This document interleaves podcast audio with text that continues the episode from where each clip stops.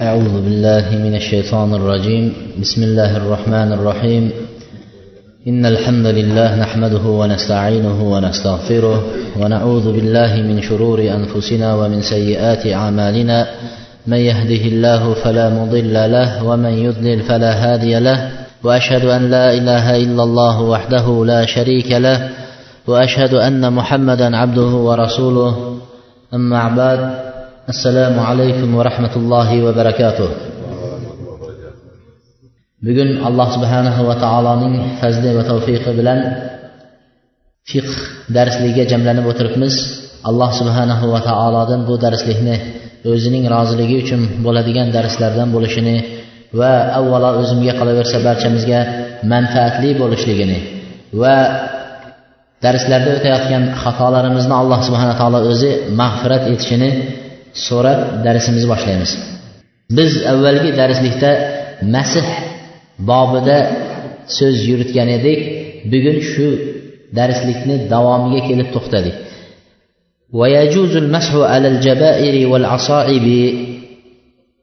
Jabiralarga yoki asaib degani qo'l yoki a'zoning biror joyi kesilgan bo'lsa shu yerga bog'langan latta bo'lsin o'sha yerni bog'lagan bint bo'lsin shu yerga qo'yilgan gipslar bo'lsin. Mana shularning ustidan masx tortib qo'yishlikni o'zi kifoya qiladi tahoratda deydi. Tahorat olayotgan bo'lsangiz qo'lingiz kesilgan bo'lsin yoki o'shanga qiyos qilib biror a'zoyingizga jarohat yetgan bo'lsa o'sha a'zoni bint bilan bog'lab qo'ysangiz yoki latta bilan bog'lab qo'ygan bo'lsangiz endi yuvgan vaqtda boshqa joyini yuvasiz shu a'zoning ustidan nima qilib qo'yasiz? Mas tortib qo'yasiz. Bunga dalil jobir roziyallohu anhu rivoyat qilgan hadisda bu kishi aytyaptilar biz payg'ambar alayhissalom biz deydi biz safarga chiqqan edik deydi. Sahobiylarning o'zlari payg'ambar alayhisalotu vassalom bular bilan bo'lmagan ekan o'zlari safarda edik deydi. Nimada? Safarda yurgan vaqtimizda bizdan bir kishining boshiga tosh tegib boshi yarildi dedi. Boshiga tosh tegan boshi yarilib musibat yetdi dedi. Keyin bir uxlab turgan edi ehtilom bo'ldi deydi ya'ni g'usul qilishlik vojib bo'lib qoldi haligi kishiga. Shunda sahobalardan yonidagi sheriklardan so'rashdi so'radi haligi kishi hal tajiduna li ruxsa fit tayammum? Men tayammum qilib o'qishlikka ruxsat bormikin deb so'radi. Shu tayammum qilib ya'ni turpoq bilan tayammum qilib o'qiyversam ruxsat bormi deb so'raganlarida haligilar sahobiylar javob berishdiki ma najidlaka ruxsa va anta taqdir alalma senga ruxsat yo'q chunki sen suv bor suv bilan tahorat qilsang bo'ladi dedi. Deganidan keyin haligi kishi suv bilan yuvindi nimaga junub bo'lganligi uchun g'usul vojib bo'lgani uchun suv bilan yuvinib keyin tahoratini qilib namoz o'qidi. Shu suvni tegizishlik natijasida haligi boshdagi jarohatga nima qildi? Musibat yetib jarohat kuchayib safarni o'zida jon berdi.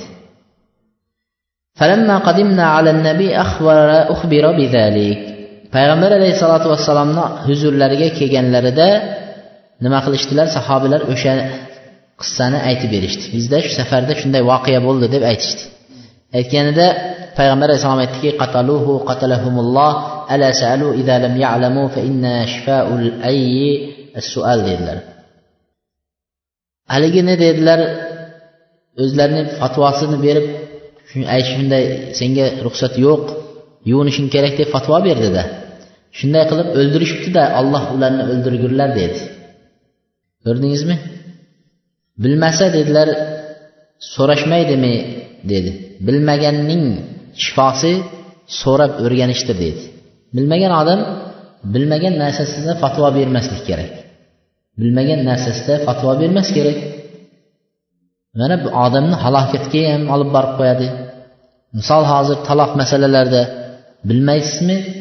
Buni bilmayman deb aytish kerak. Taloq masalalarida nima bo'ladi desa bo'ldi xotining taloq ekan desa bechora ajrashib bir xonadonni vayron qilasiz. Shuning uchun bu har bir masalada dinga bir mashaqqat olib kelib qo'yasiz. Bo'lmaydi ekan durust emas ekan degan gaplar bilan. Shuning uchun o'rganish kerak. Shuni payg'ambar alayhissalom aytdiki bilmaslikning shifosi savol so'rab o'zi o'rganishdir dedilar. Keyin aytdiki innama endi payg'ambar alayhissalom fatvo beryaptilar. Innama yakfihi an yatayammama va yasir aw yasib ala jurhihi khurqa. u kishi nima qilishi? O'sha jarohat yetgan joyini yaxshilab bint bilan yoki ip bilan biror narsa bilan bog'lab qo'yib qo'ysa xirqa xarqa deydi yoki latta bilan bog'lab qo'yib keyin e, nima qilsalar jasadini boshqa joylarini g'usul qilganda yuvib shu joyiga kelganda mast tortib qo'ysa o'zi kifoya qilar edi dedilar. Mastat boshqa jasadini boshqa joyini yuvib masalan boshqa jarohat yetsa boshini bint bilan o'ragan bo'lsa shunday qilib nima qilib qo'yadi? Mas qo'yadi qo'lini ho'li bilan mastatadi xolos. Boshqa nimalarni a'zolarni esa suvni tegizib yuvaveradi tahoratda ham xuddi shunday. Tahoratda ham biror joyga tahoratda yuviladigan a'zoga jarohat yetgan bo'lsa bog'lab qo'yib jarohat yetgan joyni. boshqa joylarni yuvaveradi jarohat yetgan joyga faqat qo'lni ho'llab turib sal nami bilan nima qiladi mas tortib qo'yadi o'sha lattani ustidan القياس على المسح على الخفين فإن المسح عليهما لغير ضرورة جائز فكيف بالضرورة وهي ضرورة فهي أولى debdi endi biz massiga mas tortishlikni shariat durust degan hamma bunga ittifoq qilgan massiniga mas tortishlik shariatda ruxsat beryapti Vaholanki u zarurat emas. Massini faqat oyog'ingizni isitish uchun kiyishingiz mumkin. Ha? Zarurat uchun emas. Shariat shunga ruxsat beryapti. Endi jarohat esa bir a'zoyingiz kesilib unga gips solinishligi yoki shu bint bilan bog'lab qo'yishi bu zarurat uchun bo'lyapti. Zarurat. Shariat haliginga ruxsat berib turib zaruratga qanday ruxsat bermaydi deyaptida. Bu zarurat bunga ruxsat berishligi minbobi avlo deydi. ya'ni haligindan ham massiga mas tortishdan ham ko'ra bunga ruxsat ko'proq kelgan shariatda deyapti لا توقيت للمس على الجبيرة بل متى نزعت أو برئ العضو لم يجوز المس biz massiga mas tortishni muddatlarini aytdik muqim bir kun bir kecha kunduz musofir uch kecha kunduz endi e, jabiraga mas tortishchi qo'ldagi kesilingan a'zoga qo'lda jarohat yetgan a'zoga hali bog'lab qo'yib misol mas tortish deyapmiz. Uning muddati qancha vaqt bo'ladi? Muddat qancha desa jabiraga qo'lingizdagi bog'langan bint bo'lsin yoki bo'lmasa gips bo'lsin o'shani muddati yo'q deydi. Muddati yo'q.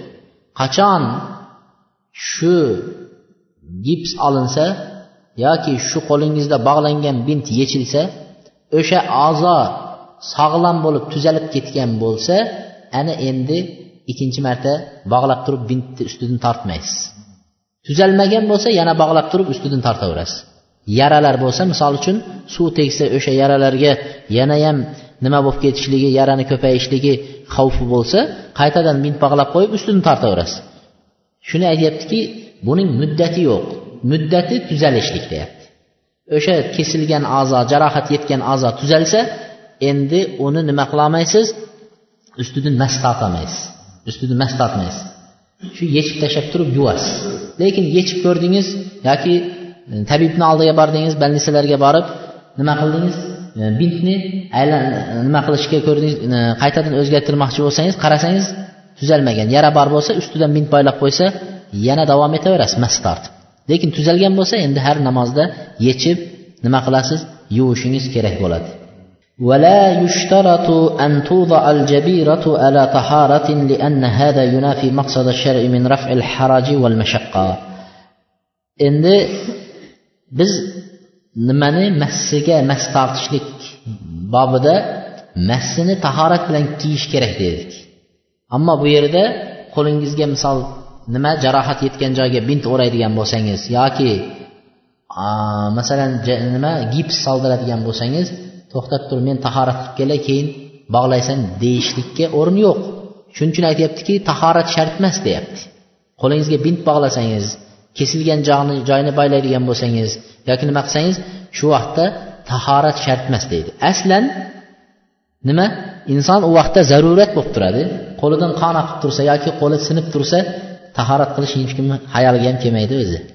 Shoshib haligi tezroq doktor to'g'ilni tuzatsa qo'lni haligi gipsni solsa chiqarsa deb turasizda o'sha og'rib qolsa deb turadi. Shuning uchun shariat mashaqqatni insondagi mashaqqatni ko'targanligi uchun tahoratni shart qilmadi bo'lmasa qo'ling uzilib tushsa ham misol qon oqib tursa ham kesilgan joying tahorat qilib kelib keyin jabira qilasan desa unda shariatda mashaqqat odamlarga qiyinchilik tug'dirib qo'yadi.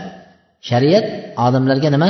Qiyinchilikni olib kelmagan odamlarga yengillik osonlik yaxshilikni butun hamma narsa yaxshilik nimada islomda shariatda lekin islomni shariatni bilmaganlar esa nima qilishadi shariatga bo'xton toshini otishadi qiyin deydi shariat qiyin deydi islom qiyin ekan deydi المسح على الجبيرة يجزئ في الوضوء والغسل والغسل على سواء biz xoh tahoratda bo'lsin o'sha jabira jarohat yetgan joyingizni bog'lab qo'ygan Ni ustidan tortishlik xoh bu tahoratlarda bo'lsin xoh g'usulda bo'lsa ham xuddi shu hukm deyapti. G'usulda bo'lsa ham kifoya qiladi o'sha mas tortib qo'yish. Masalan bir odam aytmasinki g'usulim to'liq bo'lmay qoladi deb masalan jarohat yetgan a'zoni yechib turib yuvishligi shart emas. G'usul qilsa ham shu hukm bo'laveradi. O'sha joyidan o'sha nimani bintni ustidan bo'lsin lattani ustidan yoki gipsni ustidan qo'li bilan ho'li bilan bir nima mas yurgizib qo'ysa kifoya qiladi ويجوز مسح جبيرة إحدى الرجلين مع غسل الأخرى لكونه أسلا aytadi biz masjida aytganmizki agar masjida bir oyog'ingizga mas kiyib ikkinchi oyog'ingizga mas kiymagan bo'lsangiz bir oyoqga mas tortib ikkinchi oyoqni yuvishlik durust emas biz aytganmiz ikkalasini yo yuvasiz yo ikkalasiga nima mas tortasiz deymiz ammo jabirada unday emas. Bir odamni oyog'i sindida oyog'ini to'liq oyoq nima qildi? O'sha yuviladigan joyini to'piqgacha bo'lgan joyini gipslab qo'ydi. To'liq gips solingan oyog'iga. Ikkinchi oyog'i ochiq turibdi. Haligi kishi ikkinchi oyog'ini yuvadi bu oyog'iga esa mas tortadi. Tushunarlimi? Shuning uchun aytib qo'yadi haligi topishmoqqa o'xshatib shariatda ham haliginday qilsa qachon bir oyoqni yuvib bir oyoqqa mas tortadi desa oyog'iga gips solinganda deysizda oyog'iga gips solingan e, shuning uchun durust deydi bir oyog'ini yuvib bir oyog'iga haliginday mas tortib qo'ya qoladi deydi ولا يبطل المسح بسقوطها ولا يبطل المسح بسقوطها قبل البرء لقيام العذر agar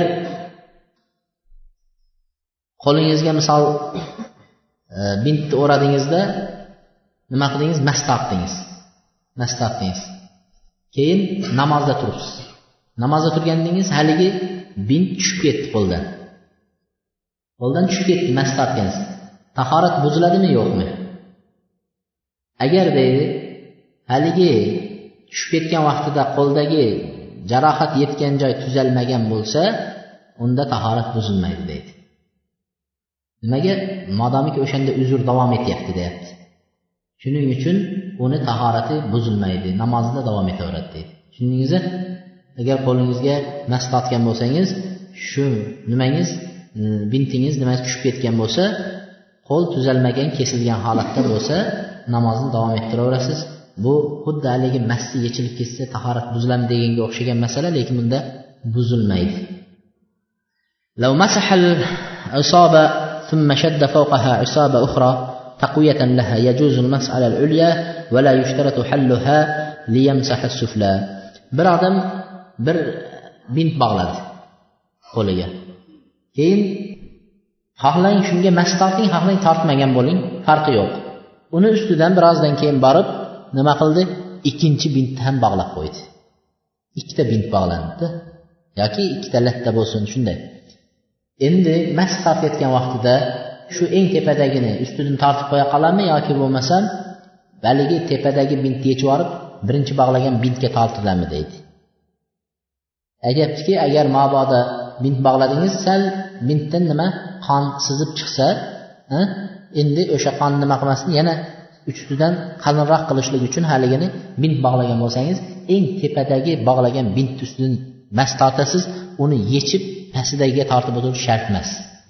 eng tepasidagiga mas tortib qo'ya qolasiz ولا يبطل yoki ولا يبطل مسح الجبيرة بابتلال ما تحتها biz bizni mazhabimizdagi g'arib masalalardan biri nima degan edik avvalgi massi bobida massi bobida biz aytdikki massi agar ho'llansa oyog'ingizga suvning nami suv kelib ho'llanib qoladigan bo'lsa nimasi massining tahorati ketadi masx buziladi degan bizni masala bizni mazhabda shunday masala bor degandik lekin bu g'arib bir bizni mazhabdagi o'ziga xos masalalar bu unaqa hech bir ulamolar unaqani aytmagan deganmiz. Chunki agar biz shunday deydigan bo'lsak ko'p odamlarning massisi ho'llanmasdan iloji yo'q. Mana bu yomg'irli kunlarda xosatan kalishlarni taglari misol teshik bo'lib boshqa bo'lishligi natijasida suv kirib yoki qor kirib kalishni nimasi ho'li bilan massiga ho'l o'tadi. U shun bo'lib ho'l o'tishligi bilan oyoqqa nima qiladi? Suv tegadi ho'l bo'ladi. Iloji bo'lmaydi deb turib biz shuni aytganmiz. Shuning uchun bizni mazhabda buziladi deb aytgan. Tushundinglarmi? Massiga agar ho'l bo'lsa buziladi degan. Ammo biz aytdikki yo'q unaqa qilsak mashaqqat bo'lib qoladi dedik. Bu yerda shuni aytyapti. Agar haligi qo'lingizga bog'lagan bintingiz bo'lsin yoki gips bo'lsin yoki nima bo'lsa ham ichiga suv kirib qo'lga misol uchun nima tegdi haligi suv tegdi suv tegsa uni nimasi jabiraning masxi haligi jarohatning masxi botil bo'lmaydi deydi ya'ni suv ho'llanib qolishligi bilan suv nam o'tishligi bilan nima bo'lmaydi botil bo'lib qolmaydi deydi botil bo'lib qolmaydi ويجوز تبديل العصابة بغيرها بعد مسحها ولا يجب إعادة المسح على الموضوع بدلها الأفضل الإعادة دبت misol qo'lingizdagi jarohat yetgan joyga lattani bintni bog'lagansiz keyin mast tortdingiz mast tortdingiz uyda endi tabiiyki uyda ish qilasiz boshqa qilasiz bintlar nima qiladi endi sal bo'lsa ham qarayadi rangi nima qilib ifloslanadi mast tortib qo'ygansiz Endi bir joyga mehmondorchilikka bormoqchi bo'lib qoldingizda haligi bintni olib tashlab endi toza bintni o'raysiz. Oppoq bintni o'raysiz. Durustmi endi haliginga mas tortib qo'yuvdingiz. Tahorati buzildi hisoblanadimi? Bunga ham qaytadan mas tortish kerakmi? Yo'qmi deyapti. Ulamolar aytadiki yo'q. Haligi bintni olib tashlab eski bintni yangi bintga almashtirib qo'ysa masning haligi nimasi buzilmaydi deyapti. mas buzilmaydi tahorat buzilmaydi deydi lekin afzali yangi bint o'ragan vaqtda yangidan tahorat qilib ustida nima yana mas tortib qo'ysa afzal debdi ammo qilmagan kishiga uni zarari yo'q shu tahorat bilan o'qiyveradi tushunarlimi ولو حصل به داء فجعل عليه دواء لمنع ضرر الماء وضره نزعه جاز له المسح للضرورة وإن ضره المسح أيضا تركه لأن الضرورة تقدر بقدرها misol deydi bir odamga bir badaniga qo'liga bir a'zosiga nima qildi? Bir e, yara chiqqan bo'lsa deydi. Shu yaraga deydi davo qo'ydi. Shu yaraga nima qo'ydi? Davo qo'ydi. Ma surdimi? Biror narsa qilib davo qo'ydi. Nima qilyapti endi? Liman ilma shu joyga endi o'sha davo nima qilgan qo'ygan joyga suvning zarari yetmasligi uchun o'shani nima qilyapti? O'rab qo'ydi haligi bint bilan. Agar shu bintni yechib yuvadigan bo'lsa suv tegadigan bo'lsa zarar qiladi. Zarar qiladi deydi. Shuning uchun shariat zarari bo'lganligi uchun mas tortishga ruxsat berdi deydi. Mas tortishga haligi e, usti jarohatni ustidan bog'langan bintga nima tortishga? Mas tortishga ruxsat berdi. Endi agar shu mas tortish ham zarar qiladigan bo'lsa deydi mas ham tortmasdan shunday o'qiyveradi debdi. Tushunarlimi? Shariatda zaruratlar o'zining miqdoriga qarab taqdirlanadi. Zarurat ekan deb turib hamma narsani qilib ketishlik durust emas. Mana cho'chqaning go'shti to'ng'iz go'shtlari harom shariatda. Aroq harom shariatda. Lekin bir odam bir safarda o'laksaning go'shti harom bir safarga chiqdida bir joyda qolib ketdi. Hech narsa yo'q. Faqat bir o'lgan narsaning nimasi yotibdi? O'lgan qo'ymi o'lgan narsani nimasi yotibdi o'laksasi shundan qarnini to'ydirmaydi jonini saqlaguncha miqdorda faqatgina jonini saqlab qolish uchun ochdan o'lmaslik uchun shundan yeyishga shariat ruxsat bergan. Ya'ni miqdor haligi nima? Tuqaddar biqadriha degan zarurat o'zining miqdori bilan o'lchanib qilinadi. Durust ekan deb turib olib borib haligi shariatda bor ekan deb o'lgan molni kalbasa sexga o'tkazib kalbasa qilib bu yoqda sotib ashnaqa qilishlik durust emas o'zining miqdoricha shuning uchun hali aytyapti qaraysiz masalan namoz o'qishlik qiyom farz tikka turib namoz o'qish tikka turishga qodir bo'lmadingizmi o'tirib o'tirishga ham qodir bo'lmasangiz yotib yotib nima bo'lmasa ishora bilan o'zining miqdori bilan berilyapti darrov birinchi men kasalman namozni qanday o'qiyman o'qiyolmayapman desa o'qimay qo'yavering deb fatvo bermas kerakda voy siz kasal sizdan ruxsat deydi bizdagilar. Sizga ruxsat kasallarga anaqa emas shariat yengilchilik deb shunaqa oladi. Unaqa emas to'g'ri tushunib olish kerak. Har bir narsaning o'zini nimasi bilan beriladi fatvo. Shuning uchun bu yerda ham shuni aytyapti. Agar mas tortishga imkon bo'lsa mas tortadi mas tortishga ham imkon bo'lmaydigan darajada bo'lsa masalan qo'llari qiyma qiyma bo'lib ketgan uni ustidan biron narsa tekkizishga imkon bo'lmayotgan bo'lsa mas tortmasdan o'sha joyiga shunday nima qilib o'qiyveradi debdi ولا يجوز المسح على الإمامة والقلنسوة والبرقع والقفازين لأنه لا حرج في نزع هذه الأشياء والرخصة في الخف لدفع الحرج دبت bu yerda salla sallaga va do'ppilarga va qo'lqoplarga masx tortishlik to'g'risida kelgan. Bizni mazhabda bularni birontasiga masx tortishlik joiz emas bizni mazhabimizda. Misol salla o'rab olgan odam sallasiga bunday qilib sallasini ustidan yoki do'ppi mana do'ppini ustidan nima qo'l bilan bunday qilib masx tortishlik yoki qo'lida qo'lqop kiyib olgan odam bunday qo'lqobiga hali nimaga mas tortgan massiga mas tortganga o'xshab qo'lqopni ustidan bunday qilib mas tortishliklari joiz emas. Valburqu degani haligi e, bu mag'ribliklarni kiyimlari bo'ladi. Mag'rib shahri nimasida arablarni e, kiyimning orqasidan to'ppa to'g'ri chiqadigan shapkachasi bo'ladi. Mana bizda ham e, qishliq kiyimlarda bo'ladi yoki nimalarda olimpiykalarni orqasida ulama shapka bo'ladi. To'g'ridan to'g'ri kiyiladigan mana shuni kiyib olib turib ustidan bunday qilib tortib qo'yishliklar mas tortib qo'yishliklar joiz emas debdi. Nimaga desa chunki ularni yechishlikda mashaqqat emas degan. Endi do'ppini bunday turib mas tortish sallani olib haligini bunday tushirib yuborishlikda hech insonga mashaqqat emas. Ammo massini yechib nima qilishlik bu mashaqqat bo'lganligi uchun shariatda massiga ruxsat berdi. Ammo boshqa narsalarga ruxsat yo'q deb bizni e, mazhabdagi ulamolar shuni aytishgan. Ammo imom ahmad ishoq abu savr avzai ibn hazm ibn taymiyalar aytishibdi va abu bakr umar anas roziyallohu anhular aytgan ekan bular sahobiylardan yajuzul masu alal imama badal masar rasi fil vudu'i mutlaqan. Haligi tahorat qilgan vaqtda boshga mas tortishlikni o'rniga nimaga? Boshda agar salla bo'lsa sallaga masx tortishlik mutlaq joizdir deyishgan ekan ular. Boshqa mazhabdagilar shunday deyishgan ekan. Joiz deb. Bularning dalillari nimani dalil qilishgan? Amr ibn umayyat zamriy roziyallohu anhu aytadilar roaytu rasululloh sollallohu alayhi vasallam masaha alal xuffayni val imama. Buxoriyda kelgan hadisni dalil qilishgan ekan. Payg'ambar alayhissalotu vassalomni massilariga va sallalariga masx tortganligini ko'rdim degan ekan. Massisiga mas tortganini va sallasiga mas tortganligini ko'rdim degan. Yana mug'ira ibn shoba roziyallohu anhu va an bilal bilal roziyallohu anhudan rivoyat qilingan hadislarda aytadi roaytu rasululloh masa alal xuffayni val ximar payg'ambar alayhissalomni massiga val ximor deb haligi arablarni ro'mollarini o'rab mana bu jag'idan o'tkazib jag'i bilan birga qo'shib bunday nima qiladi? Arablar o'rashib oladi.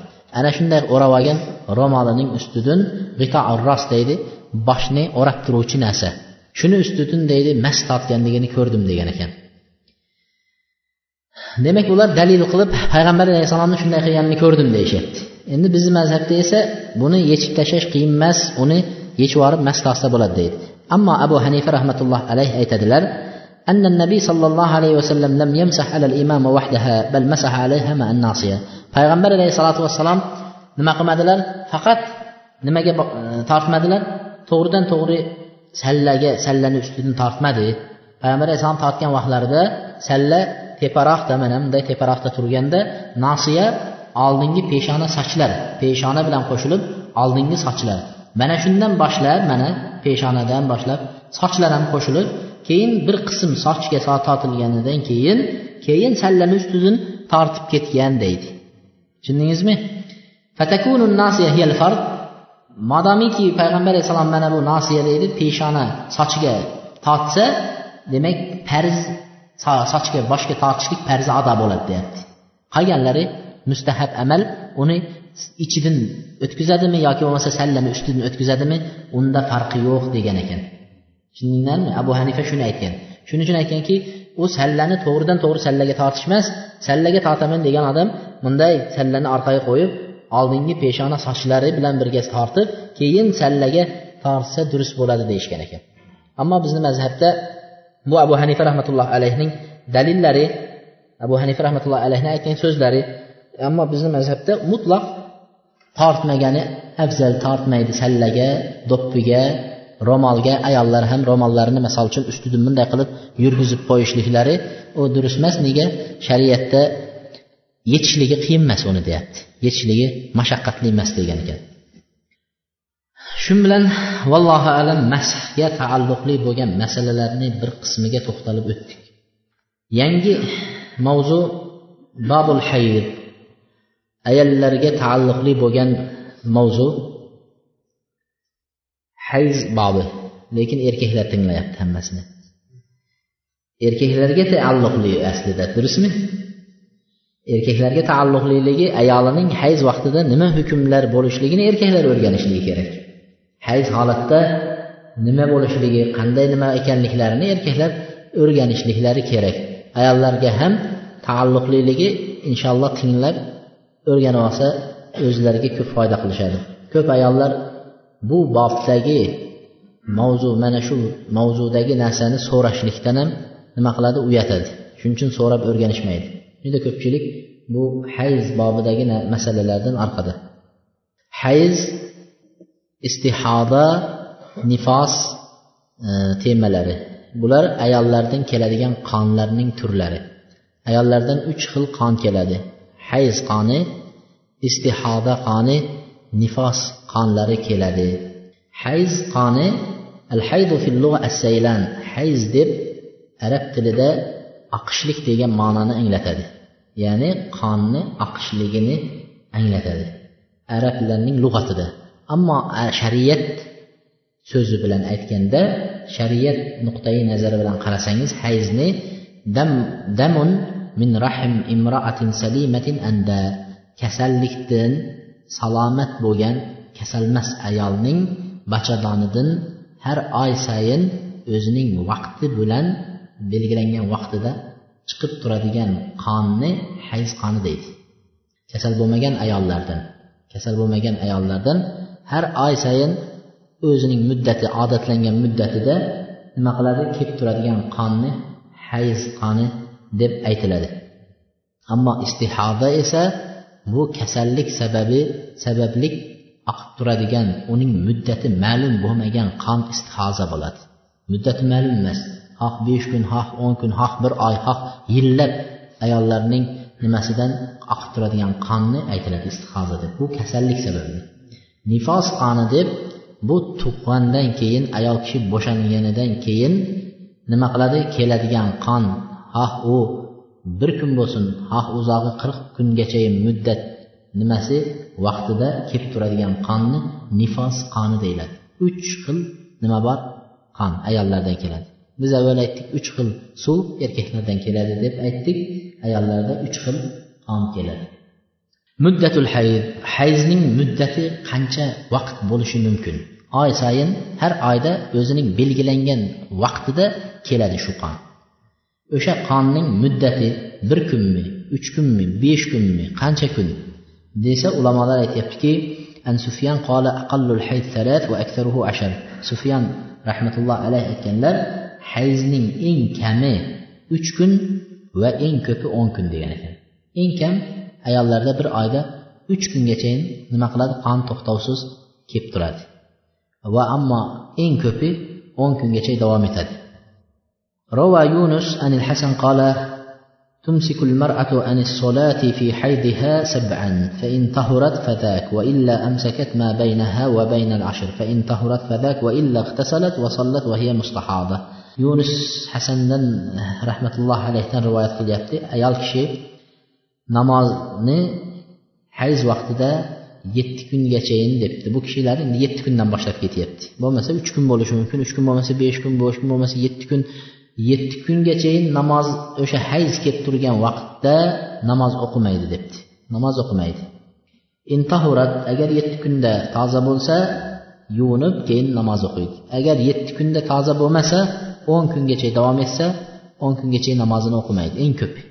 O'n kundan keyin o'n birinchi kun ham davom etayotgan bo'lsa debdi bu kishilar aytyapti o'n birinchi kun ham hayz o'sha qon kelsa o'n kunni to'liq qilib yuvinib namoz o'qiyveradi undan keyin kelayotgan qon istihoda qoni deyiladi deydi ya'ni kasallik sababli kelayotgan qon hisoblanadi o'n kungacha kelgan qon hayz qon hisoblanadi o'n bir o'n ikki o'n uchinchi kun kelgan qonlarni nima deyapti kasallik sababli u endi namozdan ro'zadan to'xtatolmaydi namoz ro'zasini davom ettiraveradi روى الحسن أن عثمان بن أبي العاص قال الحائض إذا جاوزت عشرة أيام فهي بمنزلة المستحاضة تغتسل وتصلي aytadiki hayz ko'rgan ayol o'sha ayolni hayz ko'rgan ayol deyiladi. Odat oy sayin kelayotgan odati kelgan ayol hayzlik ayol.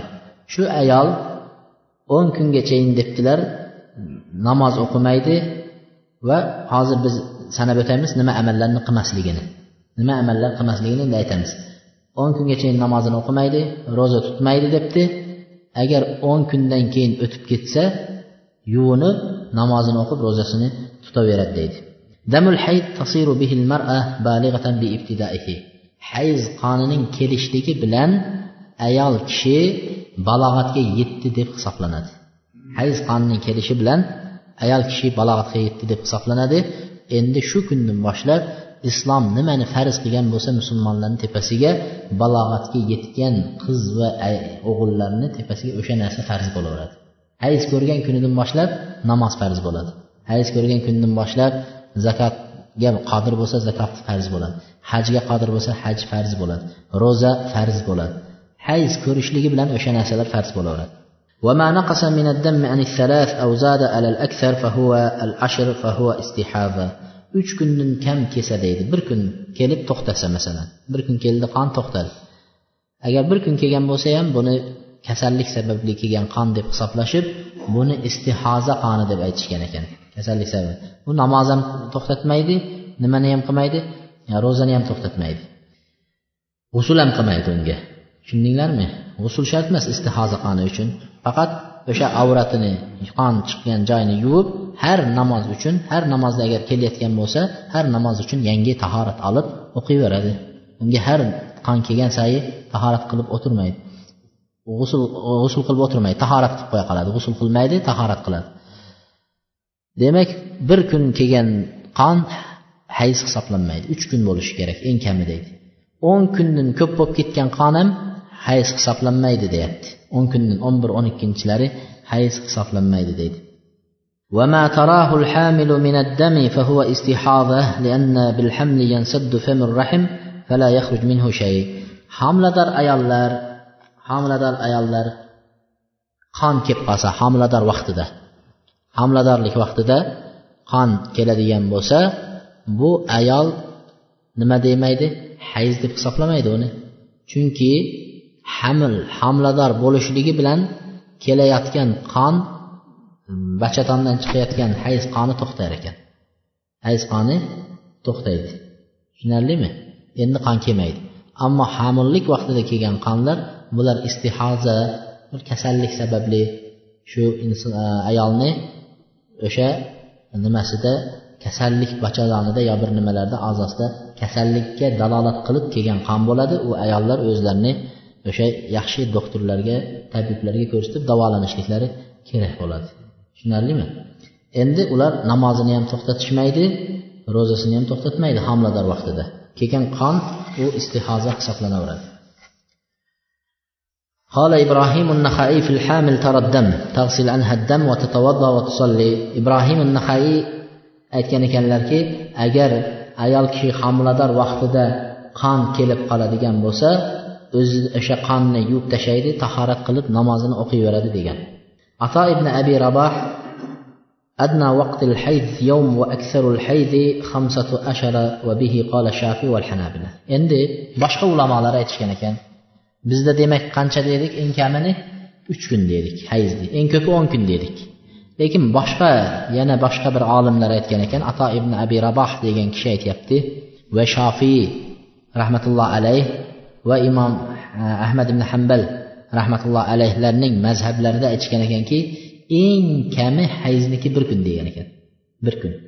Va eng ko'pi o'n besh kungacha davom etadi deyishgan ekan bular. Bular shunday deyishgan. Lekin buni shariatda aniq bir muddat bilan belgilab beradigan bir naqa kelmagan. Qur'onda yoki hadisda mana shunday mana shunday deb kelmagan. Tushunarlimi? Har ayol o'zining odati har xil bo'lishi mumkin. Birovniki besh kun birovniki o'n kun birovniki o'n besh kun ham bo'lishi mumkin. Lekin bular ko'proq o'zining mantiqasidagi ayollarni so'rab shu muddatni belgilab aytishyapti. Tushundingizmi? Masalan bir olim abu hanifa rahmatullohi alayh uch kundan o'n kungacha desa nima qilgan? O'zining yashab turgan shaharidagi ayollarni sekin so'rashtiradi. Necha kun bo'ladi eng kami? O'rtachasi nechi kun eng ko'pi nechi kun? Shuni so'raydi. A bular boshqa shofiy bo'lsin imom ahmad bo'lsin o'zining diyoridagi ayollarnikini so'rab shunga qiyos qilib turib shu nimani qo'yishganda tushundingizmi? O'shani qo'y bunga bir dalil bilan mana shariatda bunaqa dalil bor deb tortishadigan masala emas bu. Issiq iqlimlardagi ayollar bilan sovuq iqlimdagi ayollarni farqi juda katta.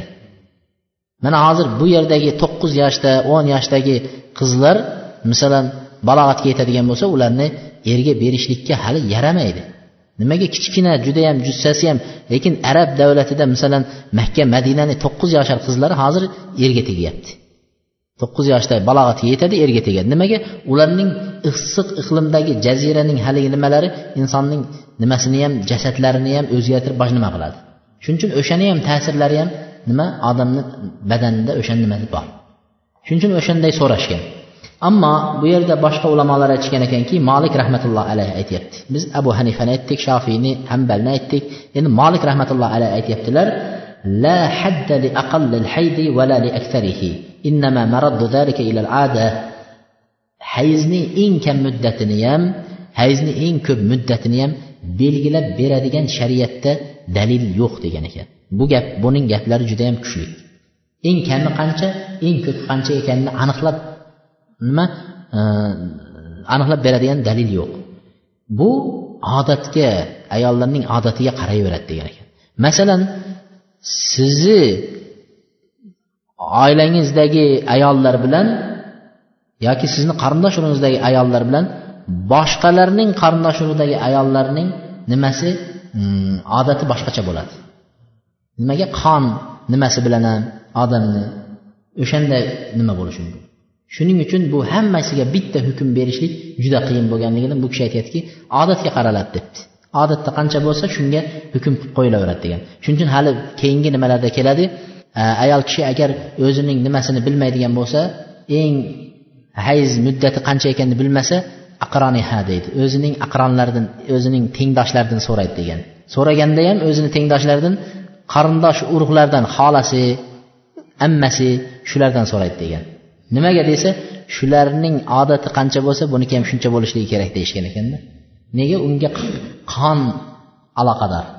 xolasi bilan ammalariga qoni aloqador bo'lganligi uchun shularni hukmi bilan yurgizishadi tushundingizmi ما تراه المرأة من الحمرى والصفرى والكدرة هو الماء الذي تراه المرأة كالصديد ويعلوه الإسفرار في مدة الحيض فهو حيض حتى ترى البياض الخالص deydi ayol kishi hayz muddatida misol biz aytdikki masalan mazhab bo'yicha uch kundan o'n kungacha dedik o'sha hayz muddati masalan to'qqiz kunga kelgan vaqtida nimani ko'ra boshladi?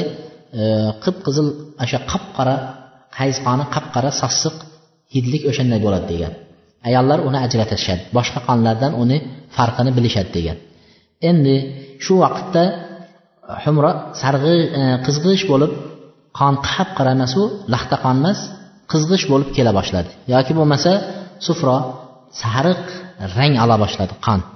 Yoki bo'lmasa deydi e, xuddi yeringni rangiga o'xshab sarg'aygan holatda yering rangiga o'xshagan qonlar kera boshlasa deydi to'qqizinchi kuni hayz muddatida. Bu ayol hayz deb hisoblanaveradi degan. Hayz deb hisoblanaveradi hatto oppoq hayz tugagandan keyin oppoq suv chiqqunchayin oppoq suv kelib o'sha suv chiqmagunchayin nima qilinaveradi bu haligi sarg'ish qizg'ish ranglar hayzga hisoblanaveradi hayzga hisoblanaveradi وقيل هو القطن الذي تختبر به المرأة نفسها إذا خرج أبيض فقد طهرت yana ayol kishi o'zini pok bo'lganligini bilishligi uchun debdi misol to'qqizinchi kuniga keldida qon to'xtab qoldi qon chiqmayapti hech narsa chiqmayapti endi ayol kishi namozini o'qiydimi yo'qmi nima qilish kerak desa o'zi bir paxtani olib deydi. O'sha paxta bilan o'sha qon chiqayotgan a'zolarni sekin paxtani kirgizib nima qilib ko'radi? Tozalab ko'radi. Agar paxta oppoq chiqadigan bo'lsa qon bo'lib chiqmaydigan bo'lsa demak poklanibdi deydi. Poklanibdi. Misol qon to'xtagan biroz muddat o'tganidan keyin qiladi. Lekin hozir o'shanday qilib ko'rib yana bir ikki soatdan keyin yana qon kelib qolishi ham mumkin. shuning uchun orada bir kun uzilish bo'lib qolsa qon kelmayotgan bo'lsa shunday qilib tekshirib ko'radi qon yo'q bo'lsa demak namozini o'qiyveradi عن علي رضي الله عنه قال إذا طهرت المرأة من المحيض ثم رأت بعد الطهر ما يريبها فإنما هي ركضة من الشيطان من في الرحم فإذا رأت مثل الرعاف أو قطرة الدم أو غسالة اللحم توضأت وضوءها للصلاة ثم تصلي ayol ali roziyallohu anhu aytgan ekanki agar ayol kishi hayzdan pok bo'lsa hayz to'xtasa lekin pok bo'lib to'xtaganidan keyin yana nima bir qizg'ish rangda qon kelib qolsa odam endi shubhalanadi yana hayz qaytalanib qoldimikin deb shubhalanadi deydi. Mana bu shaytonning bir vasvasasidir. Ayolning bachadonidan nima qilayotgan? Shayton vasvasa qilib yuborayotgan bir qon hisoblanaveradi. Agar ayol kishi ruaf deydi burundan tushayotgan qonga o'xshagan qonni ko'rsa burundan tamadigan qondaka qon ko'rsa yoki qatratidam e, qonning tomchisini ko'rsa deydi e, tahorat yangilab namozini o'qiyveradi. Bu hayz hisoblanmaydi toza bo'lganidan keyingi kelayotgan narsalari hayz hisoblanmaydi deydi. Al ahkamul mutarattiba alal hayz. Hayz ko'rayotgan ayollarga taalluqli bo'lgan hukmlar. Hayz bo'lgan ayollar nima narsalarni qilsa bo'ladi nima narsalarni qilsa bo'lmaydi hayz ko'rgan ayollar birinchisi qilishi mumkin bo'lmagan amallarning birinchisi namoz. Hayz kelishligi bilan namoz o'qishligi joiz bo'lmaydi. Hayz kelishligi bilan namoz o'sha ayoldan soqit bo'ladi. Endi lekin ro'za vaqti bo'ladigan bo'lsa ro'zani ham o'sha vaqtda tutmaydi lekin keyin hayz tugab masalan besh kun bo'lsin yoki yetti kun bo'lsin yoki o'n kun bo'lsin hayz tugagandan keyin ro'zani qazosini tutib beradi namozni qazosini o'qib bermaydi. Namoz o'n kun qolib ketgan namozni o'qimaydi. Lekin ro'zanikini tutib beradi farz ro'zani. Buning sababi nimaga namozni o'qimaydi nima uchun ro'zani tutib beradi desa ro'za bir yilda bir marta keladi deydi. Bir marta keladi. Yo shu ayolning hayziga to'g'ri kelishi mumkin yo to'g'ri kelmay o'tib ketishi mumkin. Shuning uchun buni tutib berishlikda mashaqqat yo'q deydi. Bir yilda bir marta keladi agar mabodo qazo qilsa ham besh kun yoki yetti kun yoki uch kun yo o'n kun qazo qilishi mumkin u ayol. Buni tutib berishlik yengil shariatda deydi.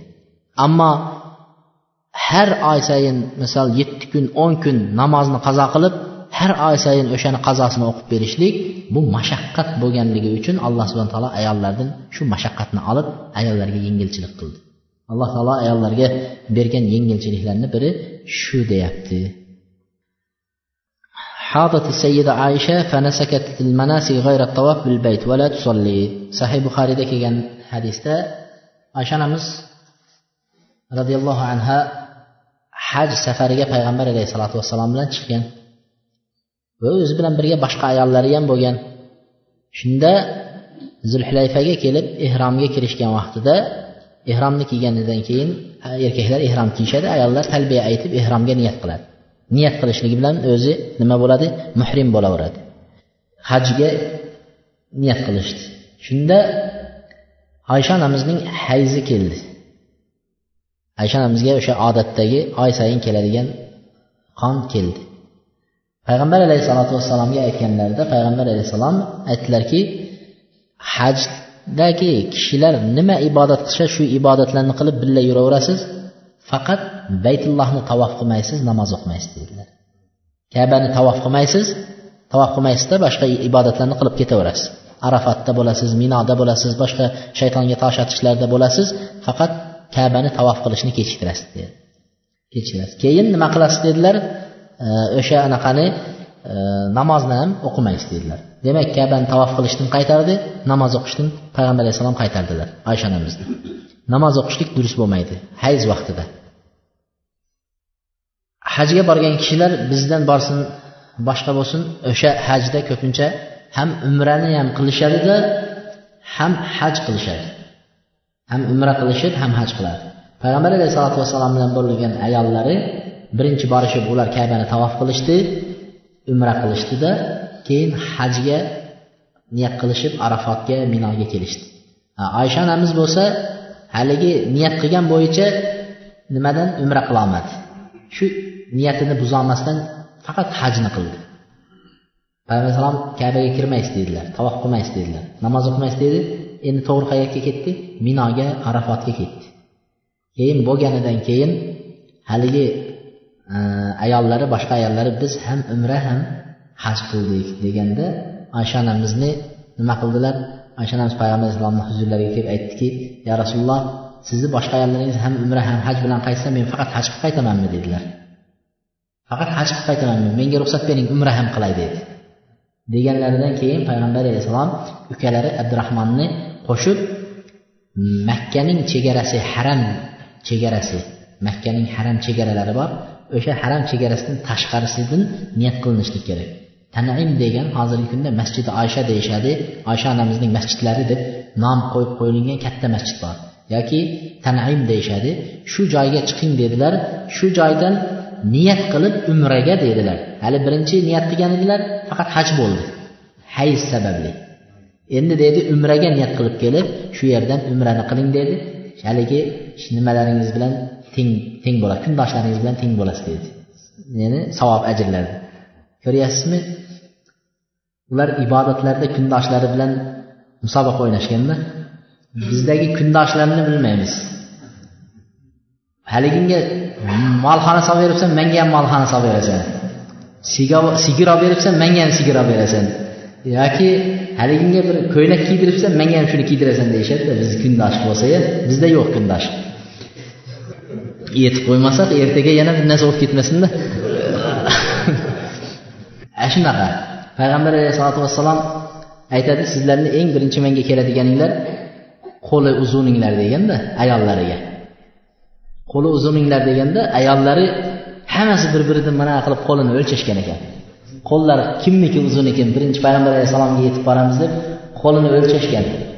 Qarasa hayron bo'lishyapti hammasini qo'llari barobar haligini shundan keyin bilishsa payg'ambar alayhissalom qo'linglar uzuni degani zaynab roziyallohu anhoni aytgan ekan qo'linglar uzun degani ko'p ehson qiladiganinglar degan ekan. Qo'li uzun ko'p ehson qiladiganinglar birinchi menga yetib keladiganinglar deb aytgan ekan. Zaynabni maqsadda tutgan ekanlar shu ko'p ehson qilishligini qo'li uzunrog'i deyishgan ekan. Shu shu narsalarni ham bular musobaqa qilishgan. Ehson bobida boshqa boblarda masalan e, oysha onamiz roziyallohu anhu ramazon kunlarida yoki nafl ro'za tutgan vaqtlarida ro'za tutib ro'za tutib o'tirganlarida nima qildilar? Shu bir qo'yni ehson qilishga buyurdilar. Yoki bo'lmasa uyda bor narsalarni dirhamlarni ehson qilishga buyurdi. Barira barirani oysha onamiz ozod qilganlar. Barira ozod bo'lishlikda haligi qul edi. Qul bo'lganlarida mukotaba qildi. Mukotaba degani o'sha o'zini xo'jasi bilan o'zini E, egasiga aytadi men bir yilda oy sayin yoki bo'lmasa bir yilni oxirida faloncha pul olib kelib beraman meni ozod qilasan degan e, nima ahdnoma yozishadi. O'shanda yozishdi. Yozdi misol uchun o'n mingga kelishgan bo'lsa e, yuz tanga yetmay qoldi deng. Shu ozod bo'lishiga shunchalik yetmay qoldi. Yig'ib berdi hali barira endi yetmasa ozod bo'lmaydi. Hali pul egasiga qolaveradi. Shunda oysha onamizning huzurlariga yig'lab keldi. Yig'lab kelib mana shunaqa deganlarida oysha onamiz haligiga pul berib haligini ozod qilib oldilar. Shunda barirani nimalari kelishib turib qarindosh urug' kelib agar barira ozod bo'lsa valosi biz uchun dedi. Valo degani ozod bo'lgandan keyin uning mol mulkida o'zining qarindosh urug'i ertagi kuni meros olishlik hukmi kelgan vaqtda biz merosiga ega bo'lamiz deganda oysha onamiz keyin payg'ambar alayhissalom kirganlarida uyga aytdiki men barirani ozod qilsam qarindosh urug'i kelib turib endi merosiga xo'jayinlik qilyapti dedilar. Deganlarida payg'ambar alayhissalom al liman ataqa qarindosh shu merosiga ega bo'lishlik kim ozod qilsa o'sha ega bo'laveradi deganlar. Shu nimani aytdilar? Demak barira oysha onamizni huzurlarida keyin xizmatida qoldi. Xizmat qildi. Shunda taomni olib chiqib bor taomni ehson qilib qo'lidagi narsalarni ehson qilganlaridan keyin oysha onamiz aytdilarki kelib turib oysha onamizga aytdi ya oysha ha bugun ro'zadorsiz. Shu bir dinor olib qolmadingizmi? Shunga bir go'sht yoki biron narsa olib kelib bugun iftorlik qilishingizga sotib olib kelardik deganda meni ayblamagan agar shuni eslatganingda men shuni qilgan bo'lardim degan ekan. O'zini esidan ham chiqib ketgan. Ham ro'za ham qarni ochligi ham uyda hech narsa yo'qligi shunchalik darajada o'zini esidan chiqib birovga ehson qilishib oxiratini o'ylagan. Agar eslatganingda o'zim shunday ekanimni nima qilardim? Shuni qilgan bo'lardim degan ekan. Shunchalik bular nima qilishgan? Musobaqa qilishgan yaxshilik ishlarni haligi e, oysha onamiz ham o'sha hayz bo'lganligi sababli haligi joyga borib niyat qilib umrani ikkinchi marta nima qildilar? Oxirida qilishdi. Umrani keyin qilib qo'ydi umrani. Namozini demak hayz bo'lgan ayol namoz o'qimaydi. Bu yerda bir masala kelyapti. Mar'a al-asr va lam takun zuhur fa hal yalzamuha zuhur misol ayol kishi asr namozi ga bir o'n minut qolgan edi yoki o'n besh minut qoluvdi asr namoziga. Hali peshinni o'qimagan. Asrga o'n besh minutmi yoki yarim soat deylik ana asrga taqab asr namozini kirishiga. Peshinni hali o'qimadi hayz bo'lib qoldi. Asrga yarim soat bor. Endi toza bo'lganidan keyin hayz tugagandan keyin o'sha peshin namozini o'qimagan namozni bo'yniga qarz bo'lib shuni o'qib beradimi yo'qmi? Tushundinglarmi masalani chunki buni qayta qayta so'rayotgani bu yerda biz ko'rmaydigan odat nimalarda? Shuning uchun buni ayollar tez tushunadi erkaklardan ko'ra. O'qiydimi yo'qmi deyapti. Chunki u peshinni kechiktirdi. Asrga yarim soat qolguncha kechiktirdi. Kechiktirganida hayz bo'lib qoldi. Qon keldi. Endi o'qima. Toza bo'lganidan keyin shuni o'qiydimi yo'qmi degan masalada ulamolar ikkita gap aytishgan ekan. Ikkovini ham aytgan masalasini aytamiz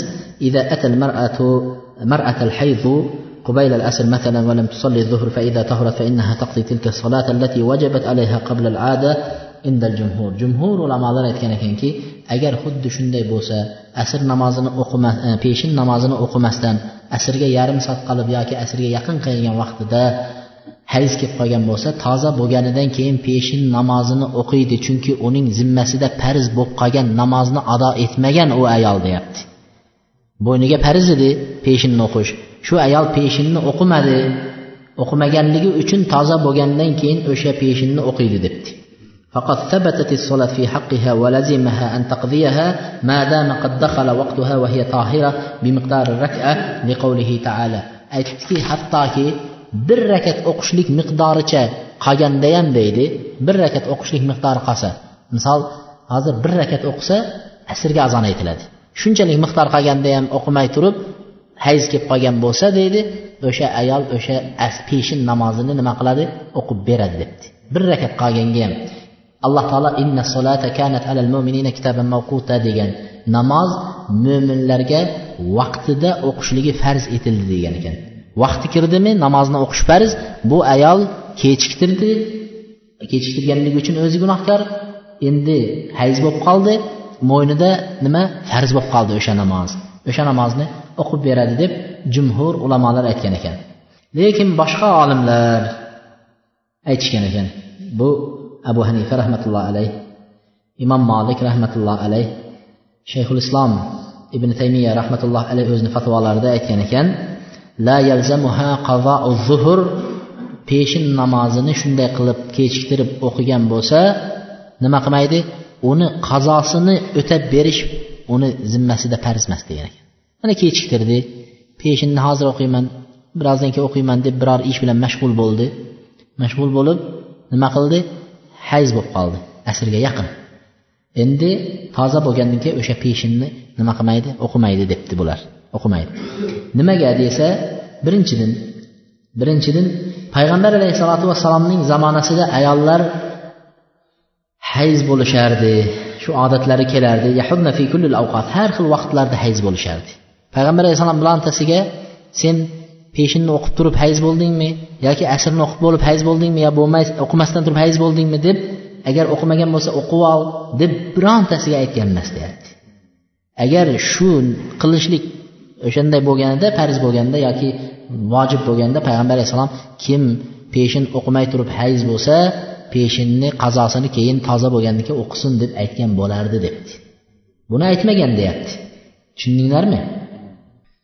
Ikkinchidan ikkinchidan liannaha abu hanifa rahmatullohi alayh va imom molik rahmatullohi alayhlar aytyaptiki ikkinchidan liannaha akharat taxiran jaizan g'ayri mufarrid. Chunki bu ayol namozni joiz nimaga? Kechiktirishlik joiz bo'lgan muddatgacha kechiktirdi deyapti. Misol peshinning vaqti asr vaqtigacha deyishyapti. To'g'rimi? Asrni vaqti kirishi bilan peshinni vaqti chiqadi deyapti. Shu asrni vaqtigacha ham peshinni o'qisa joiz deyaptida bular. Shungacha kechiktirayotgan edi tasodif uzr keldi bu ayol unga gunohkor emas deyapti. Shuning uchun u ayol peshinni o'qib bermaydi bo'ynida farz emas deyapti. Buni niyatida baribir peshin o'qish bor edi. Hatto asrni vaqti kirgin kirishdan bir minut ikki minut oldin bo'lsa ham peshin o'qiyman degan niyati bor edi buni. Lekin tasodif uzri kelgani sababli o'qiy olmadi uni bo'ynida farz bo'lmaydi deyapti. Tushundingizmi? Masalan bir odam peshinni nima qilyapti? Kechiktiryapti asrgachayin asr vaqtiga qolganda yarim soat qolganda o'qiyman deb turib edi. Tasodif mashinadami avariya bo'ldimi urildimi yiqildimi o'lib qoldi. Uni zimmasida o'sha peshin farz bo'lib qoldi deb aytilmaydi. Nima? Ajal tasodif keldi. Xuddi shu uzrga o'xshagan bu odatdagi nima? Qon keldi unga farz bo'lmaydi debdi. Tushundinglarmi? Ammo naim ammo ulamolar endi bularga ham aytadida uxlagan odam uxlab qolgan yoki nasi peshin namozini esingizdan chiqib qoldi. Bir joyda siz peshin o'qidim deb o'yladingiz. Asrni vaqtida asr vaqtida asr namozi o'qiyotganingizda esingizga keldi. Yoki uxladingizda bamdod kun chiqqandan keyin uyg'ondingiz. Shu odamlarni ham deydi shu odamlarga ham. Endi eslagan vaqtingda yoki kun chiqqandan keyin bo'lsa ham qazosini o'qiysan deb aytamizku deyaptida nima uchun bu ayolga aytmayapmiz deydi. Ularga aytamiz bularga nimaga aytmayapmiz desa ular javob beryaptiki uxlab qolgan odam yoki bo'lmasa esidan namozni chiqarib qo'ygan odamning namozni eslagan vaqtida yoki bo'lmasa uyqudan uyg'ongan vaqtida o'sha vaqt shu kishi uchun namoz vaqti hisoblanadi deyapti. O'sha vaqt. Uxladingiz uyqudan turdingiz tursangiz kun chiqqan tahorat qilasizda shu vaqtda namoz o'qiysiz eslagan vaqtda payg'ambar alayhisalom aytganki kim namozni esdan chiqarsa uxlab qolsa yoki esiga kelgan vaqtida namozni o'qib olsin degan. Demak shu vaqt namoz vaqti hisoblanadi ularga deyapti. Ular uchun namoz vaqtida o'qiyapti deb hisoblanadi. Ammo qazo qilgan ayol ya'ni haligi namoz vaqtini nima qilmasdan turib peshin hayz kelib qolgan ayolga u vaqt hisoblanmaydi deyapti. Uniki o'tib ketdi uzr keldi bo'ldi u qazosini o'qimaydi deb aytishgan ekan. Bizni mazhabdagi fatvo ham kuchlik. Shuning uchun vallohu alam mana shuni oladigan bo'lsak shu qovulni oladigan bo'lsak ko'p ayollarni gunohkor qilmaymiz. Chunki ko'p ayollar nima qilishadi? Bu narsalarga beparvo. Peshinni kechiktiribroq turib yoki asrni kechiktirib turib yoki qubtonni nima qilib turib hali o'qimay turib uzr kelib qoladi. Unda har biriga qubtonni o'qimagan bo'lsang uzring kelgan bo'lsa qubton o'qi deb chiqishimizga to'g'ri kelib qoladida. Shuning uchun vallohu alam mana shu qovulda nima bor? Ikkinchisi hayz ko'rgan ayolning qilishi mumkin bo'lmagan amallarning ikkinchisi masjidga kirishligi ham joiz emas. Hayz ko'rgan ayollar masjidga kirishligi durust emas. Oysha roziyallohu anhuga nima dedilar payg'ambar alayhissalom kabatullohni baytullohni tavof qilmaysiz dedilar. Hatto toza bo'lguningizcha dedi hatto hayzdan toza bo'lguningizcha kabaga kirmaysiz. Demak oysha roziyallohu anhuni payg'ambar alayhissalom qaytardilar. Hayz vaqtida masjidga kirishlikdan qaytardi. Buxoriyda kelgan hadisda oysha roziyallohu anhudan rivoyat bo'lgan hadisda aytadiki kana yakhruju nabiy yukhrijun nabiy rasahu minal masjid wa huwa mu'takif fa aghsiluhu wa ana haid. Payg'ambar alayhisalotu vassalom masjidlari madinaga borgan kishilar mana payg'ambar alayhissalomni uylarini masjidlarini ko'rdi. Masjidlari mana shu joy misol uchun uy deb hisoblasangiz shunday nima qilsangiz qo'lingizni chiqarsangiz masjidga chiqib qoladigan edi uy bilan masjid yonma yon payg'ambar alayhissalomni uyi bilan masjidlari yonma yon payg'ambar alayhisalotu vassalom shunday uylaridan chiqardilarda masjidda o'tirib e'tikof o'tirardi. Ramazon oyida oxirgi o'n kunlikda e'tikof o'tiriladi. Bu sunnat amallari. Payg'ambar alayhisalotu vassalom tark qilmagan amallarning biri shu. Bizni hozirgi zamonimizda yo'q bo'lib ketgan amallarni biri e'tikof. E'tikof degani aytakafa deb inson o'zini bir nimaga hibs qilishlikni aytadi. Ya'ni masjiddan chiqmasdan bir yilda bir marta o'n kun nima? Dunyodan uzilib inson o'zini o'zi to'g'irlashlik qalbini faqat parvardigorga bog'lashlik alloh bilan gaplashib dunyo so'zlar so'zlanmaydi bozorlarga chiqilmaydi uzoq nimalarga chiqilmaydi.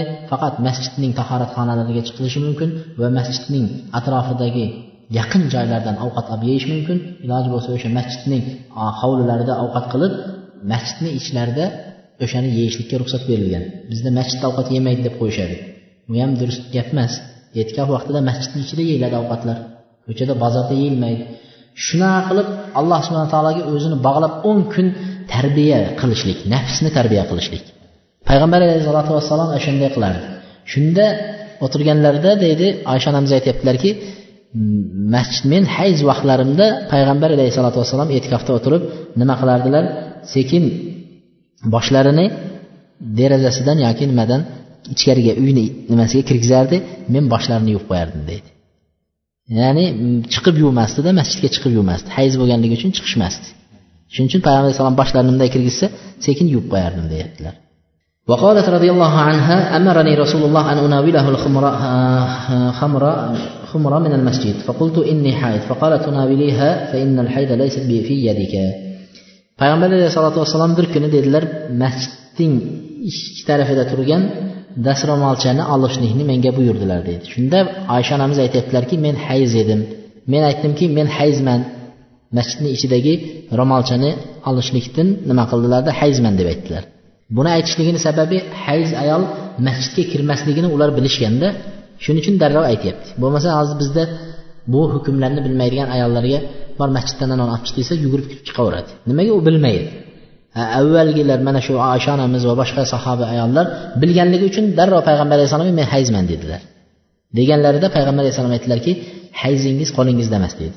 nega kirmaysiz faqat qo'lingizni bunday kirgizib ro'molni olib yuborsangiz bo'ladi deganlarda shuning uchun aytdilarki hayzingiz qo'lingizda emas dedilar keyin o'zi kirmadilar faqat qo'lini nima qilib darrov ro'molchani oldi shuning uchun aytadiki agar hayz ko'rgan ayol masjidni ichidan biror narsani bunday qo'lini tiqib ola bilishligi mumkin bo'lsa olsa bo'ladi lekin ichiga kirishligi mumkin emas degan tushundinglarmi فالحائض يحرم عليها دخول دخول المسجد ويحل لها تناول الشيء من المسجد والجنب كالحائض يحرم عليه دخول المسجد junub kishi ham junub ko'rgan ya'ni junub bo'lgan erkak kishi bu ham hayzni hukmida junub holatda masjidga kirishligi durust emas deyapti junub holatda masjidga kirishligi durust emas deydi lekin lekin bu masalada juda katta ixtilof bo'lgan masalada masjidga kirishlik mumkinmi mumkin emasmi degan masalada juda katta ixtilof bo'lgan.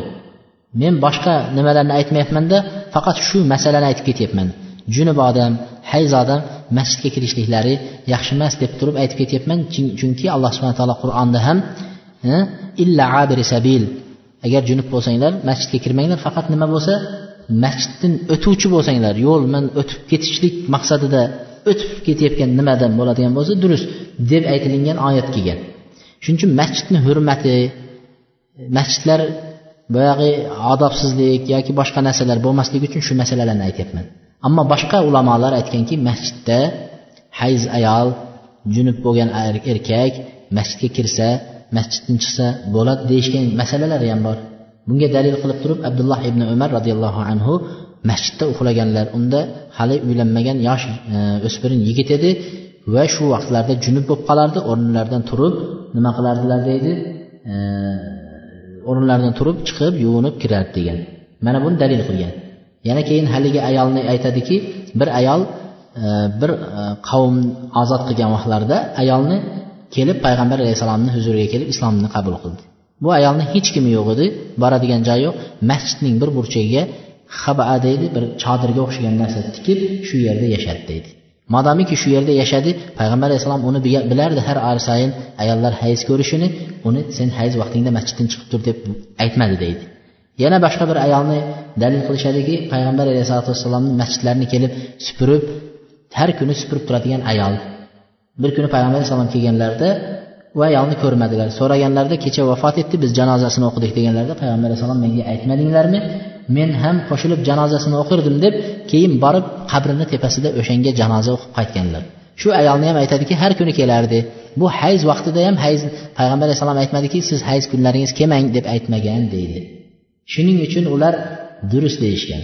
Mana bunaqa gaplar ham bor lekin hurmat bobidan masjidni ehtirom qilish bobidan boshqa bobdan va bizni mazhabimizga asoslanib masjidga junub odamlar hayz odamlar kirmagani ayollar kirmagani yaxshi.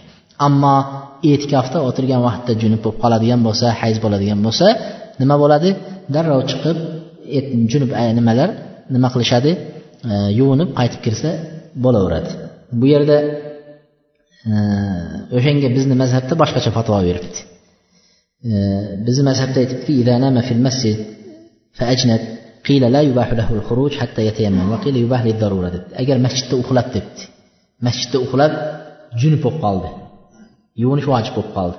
Vojib bo'lib qolsa masjiddan chiqishlik joiz emas debdi masjiddan chiqish joiz emas hatto tayammum qilib undan keyin chiqsin debdida ko'rdingizmi? Hatto tayammum qilib undan keyin chiqsin degan ekan. Bu bizni mazhabimizdagi qiziq qiziq masalalar shuda. Ba'zilar aytgan ekanki bizni mazhabda yo'q u zarurat bo'lib qoldi. Endi masjiddan chiqmaysan desak iloji yo'q. Zarurat uchun unga ruxsat beriladi degan ekan. Shuning uchun men aytyapmanki vallohu alam afzali junublar hayzlar masjidga kirmasligi lekin masjidda uxlab masjidda e'tikofda bo'lib bo'lib qolgan vaqtda zarurat uchun chiqib yuvinib qaytadan tozalanib kirsa bo'laveradi. Vallohu alam shu yerga kelib to'xtaymiz. Keyingi darsimizda inshaalloh hayzni tugatib istihoza bilan nifosni ham tugatib qo'yamiz. Ayollarga taalluqli bo'lgan hukmlarni inshaalloh barchasini keyingi dərsimizdə inşallah tugatib nihoyasiga yetkazamiz subhanakallahumma va bihamdik astag'firulloh va atubu ilayk.